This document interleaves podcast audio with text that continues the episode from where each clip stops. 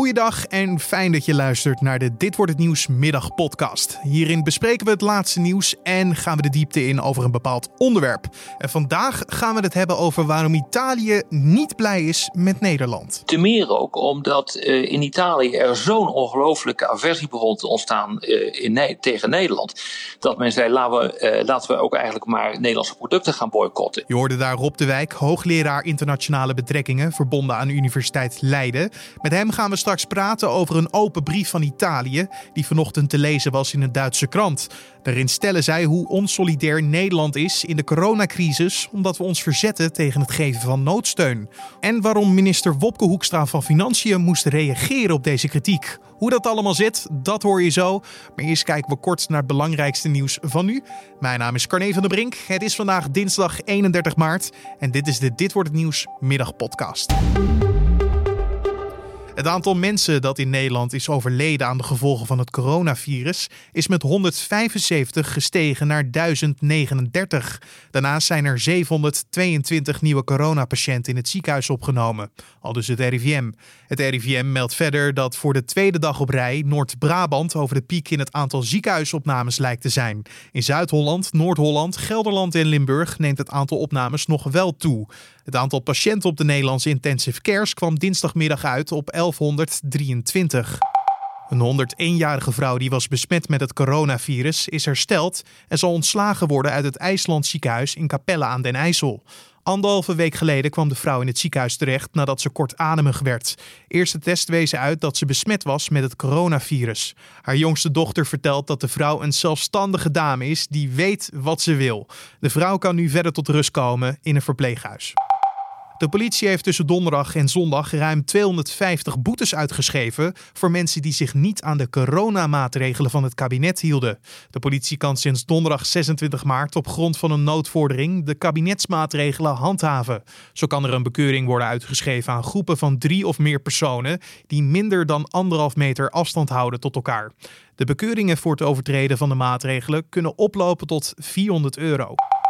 En de politie heeft al meerdere tips gekregen over het gestolen werk van Vincent van Gogh, dat in de nacht van zondag op maandag werd ontvreemd uit het museum Singer Laren.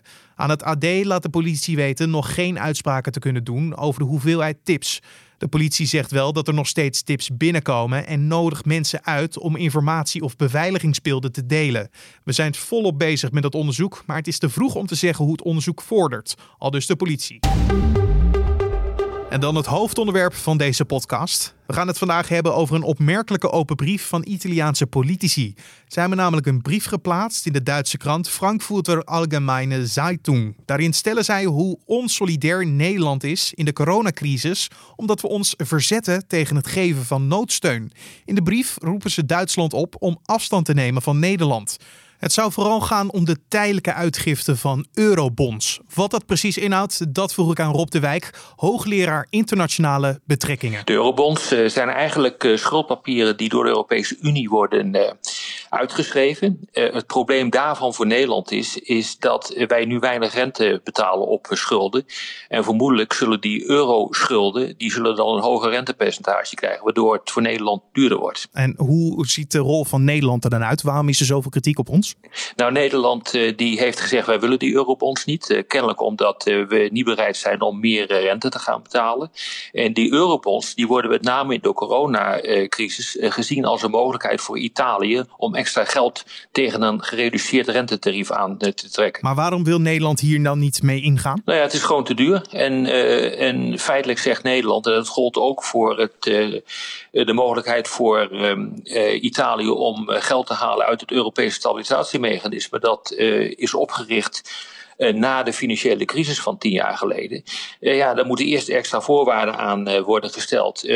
Italië moet eigenlijk maar eens een keer de zaken op orde krijgen voordat ze in aanmerking kunnen komen voor extra geld. Maar dat is nou precies het punt wat Italië niet wil. Die zegt wij zitten midden in een grote crisis. Gaan alsjeblieft nu niet ons vragen om het huis op orde te krijgen wat we in het verleden misschien hadden moeten doen, want dat kunnen we nu even niet. Nou, want ze stellen nu eigenlijk voorwaarden die op dit moment eigenlijk niet moeten gelden. Nee, er worden nu twee discussies door elkaar gehaald. Nederland zit nog eigenlijk in het mantra van de begrotingsdiscussie van een paar jaar geleden. Dat was op zich een terechte discussie, want Italië die heeft ook inderdaad geen buffers aangelegd, heeft ook inderdaad zijn. Uh, zijn economie niet voldoende hervormd. En het is inderdaad zo dat Italië de afgelopen jaren gewoon geen economische groei heeft gekend. Dus er is echt wat aan de hand in dat, in dat land. Maar nu zit Italië in een totaal ander pakket en wordt getroffen door een crisis zonder weergaan, waardoor eigenlijk het hele land plat ligt. Nou, op dat moment moet je eigenlijk overgaan van die oude discussie over de, een sluitende begroting naar een discussie over hoe je zo'n crisis gaat aanpakken. Dat zijn twee totaal gescheiden debatten. Nederland zit nog in de eerste, Italië zit in de tweede en zegt wij willen nu solidariteit. Mm, en daarom stuurden ze een open brief naar een Duitse krant om de Duitsers toe te spreken. Waarom gingen ze naar dat kamp en niet naar de Nederlanders? Nou, het is op zich wel slim om dat via Duitsland uh, te spelen. Uh, want Nederland heeft ook de reputatie dat als je er maar genoeg druk op zet, dan gaan ze wel overstag. Dat is zeer recent nog gebeurd met uh, het start van de toetredingsonderhandelingen van Noord-Macedonië en Albanië tot de Europese Unie. daar zei Nederland, dat moeten we niet doen. Vervolgens zei Frankrijk, dat vinden wij ook.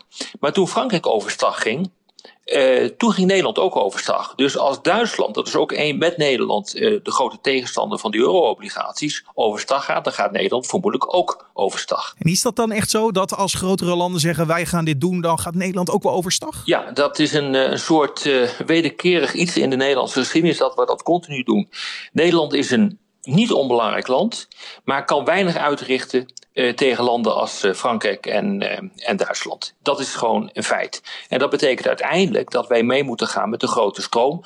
Als de grote landen ook meegaan met die stroom. Dan is er geen ontkomen meer aan. Want doe je dat niet, dan ja, ben je spelbreker. En uiteindelijk kan je daardoor zeg maar, de solidariteit binnen de hele Europese Unie onder druk zetten. Waardoor uiteindelijk de Europese Unie zelf klapt dit is ook in belangrijke mate, denk ik, uh, ingegeven door binnenlandspolitieke overwegingen. Het heeft te maken met euroskepsis binnen de Tweede Kamer. Het heeft te maken met euroskepsis binnen de bevolking. Hoewel die bevolking voor 75 procent uh, een voorstander is van de Europese Unie. Dus uh, wat nou precies ook het probleem is, dat is ook niet helemaal duidelijk. Maar het gaat waarschijnlijk vooral om die vierkante kilometer in Den Haag, waar dit soort besluiten en dit soort worden genomen, dit soort discussies plaatsvinden. Ja, en daar was dus voor, voor heel veel Zuid-Europese landen te weinig empathie te horen vanuit Nederland. Dat mag je wel zeggen, ja. En dat is, dat is ook logisch dat, dat, eh, dat ze dat vinden, want er is behoorlijk te keer eh, gegaan. Je kunt niet, als het huis in brand uh, uh, staat, nog eens een keer een discussie uh, hebben over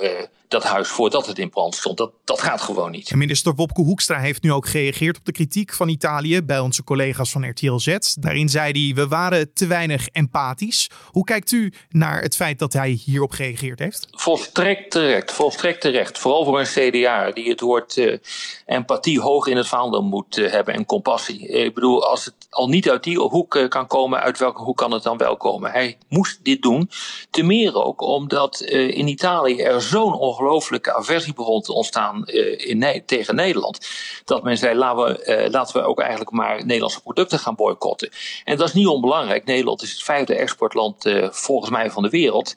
Italië is een van de belangrijkste importlanden voor uh, Nederland. Dus dat zijn, geen, uh, dat zijn geen grappen. Daar moet je dus niet mee spelen. Om Nederland economisch en ook internationaal te redden, hadden we nu hand in eigen boezem moeten doen? Moet ik het zo zien? Je, je, je zit nu eenmaal in een internationaal systeem. Waar het geven en nemen is, of je het wil of niet. In Nederland wordt er nog wel eens een keer gedacht dat wij eigenlijk kunnen bepalen binnen zo'n systeem en dat wij compleet soeverein zijn. Dat zijn we niet. En dat heeft gewoon te maken met het feit dat wij aan elkaar verbonden zijn met verdragen en met internationale organisaties zoals de Europese Unie. Dat beperkt gewoon je speelruimte in de internationale politiek. Nou, daar loopt Nederland nu gewoon keihard tegenaan. Nederland heeft ook gezegd dat we nu genoeg buffers hebben voor deze. Ja ja, deze crisis waar we nu in zitten vanwege het coronavirus. Daarna hebben we elkaar weer hard nodig, denk ik, de Europese Unie. Nee, maar dat klopt. Maar ik bedoel, als we dan zoveel buffers hebben als Nederland, waarom vragen we dan aan Brussel solidariteit met onze bloem, uh, bloem, bloemensector? Dat is toch buitengewoon vreemd. Dat is namelijk ook gevraagd. Waar Italië en Nederland ook mee confronteerden, want wie koopt jullie bloemen? Ja, terecht. Ik bedoel, uh, niemand koopt die bloemen op dit ogenblik. En dat is natuurlijk ook heel vervelend voor, die, voor de bloemensector, maar het is niet anders. Maar je kunt dus niet aan de ene kant zeggen. Tegen de bloemensector: ik ga wel naar Brussel omdat zij daar maar solidair eh, met jullie moeten zijn, om vervolgens niet solidair te zijn naar Italië. Zo werkt dat natuurlijk niet. En afsluitend, hoe erg worden op dit moment de internationale banden getest? Dit hebben we nog niet eerder meegemaakt. We hebben natuurlijk het een en ander meegemaakt uh, met de financiële crisis. Maar ik moet zeggen, uh, daar zijn we op zich zijn we daar ja, niet goed doorheen gekomen. Maar uiteindelijk heeft dat wel geleid. En ook tijdens de crisis tot allerlei mechanismen om de pijn te verzachten en om de economie toch weer te kunnen redden nadat die crisis uh, voorbij was. Dit is veel ernstiger omdat je nu een situatie hebt waarin zowel de vraag als het aanbod in landen helemaal is weggevallen. Dus de economie ligt in, op zijn gat. En dat heeft enorme consequenties, omdat je dan ook omdat het een viruscrisis is, van het buitenland mede afhankelijk bent voor het oplossen van je binnenlandse problemen. Dus solidariteit is alles. Dit heeft ook gewoon te maken met de kern van de Europese Unie, die in essentie is opgericht, althans de voorgangers van de Europese Unie, om de stabiliteit en de vrede in Europa te bewaren. Dit is een moment waarop je dat uh, gaat uh, testen. Doe je dat niet, dan flikkert de hele boel uit elkaar. Jorde Rob de Wijk, hoogleraar internationale betrekkingen aan de Universiteit Leiden. En dan nog even het weer. Vanavond en vannacht zijn er brede opklaringen en koelt het af naar 2 tot plaatselijk min 5 graden. Morgen neemt vanuit het noorden de bewolking toe en lokaal valt ook een spat regen. En het wordt dan 9 tot lokaal 11 graden. En om af te sluiten nog vrolijk babynieuws. Want in Safari Park Beekse Bergen is afgelopen weekend voor de tweede keer dit jaar een chimpansee geboren. En het gaat goed met moeder Peppa en haar jong, zo meldt het Safari Park.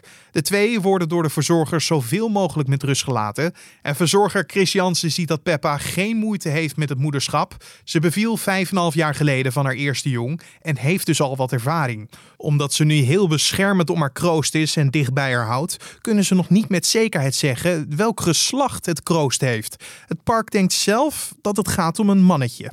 Daarnaast moet nog worden onderzocht wie de vader is. Er zijn meerdere vruchtbare mannen in de groep, maar waarschijnlijk is het groepsleider Dennis geweest. Dat vertelt de verzorger. Ze zullen op een later moment een DNA-test gaan doen. En dit was dan de Dit wordt een nieuws podcast voor deze dinsdagmiddag 31 maart. Je vindt de podcast in de ochtend en in de middag op de voorpagina van nu.nl en in je favoriete podcast app zoals Spotify of Apple Podcast. Zoek de podcast vooral via die apps op, want je kan je gratis abonneren op deze podcast en zo staat hij elke ochtend of middag gewoon voor je klaar en zo kan je hem gratis downloaden voor onderweg of gewoon voor thuis. Mijn naam is Carne van der Brink. Ik wens je een hele mooie dag, een mooie avond. Heb je feedback voor ons of suggesties? Stuur die dan door naar podcast.nu.nl, ons mailadres. Of laat een recensie achter in Apple Podcast. Nogmaals, een mooie avond.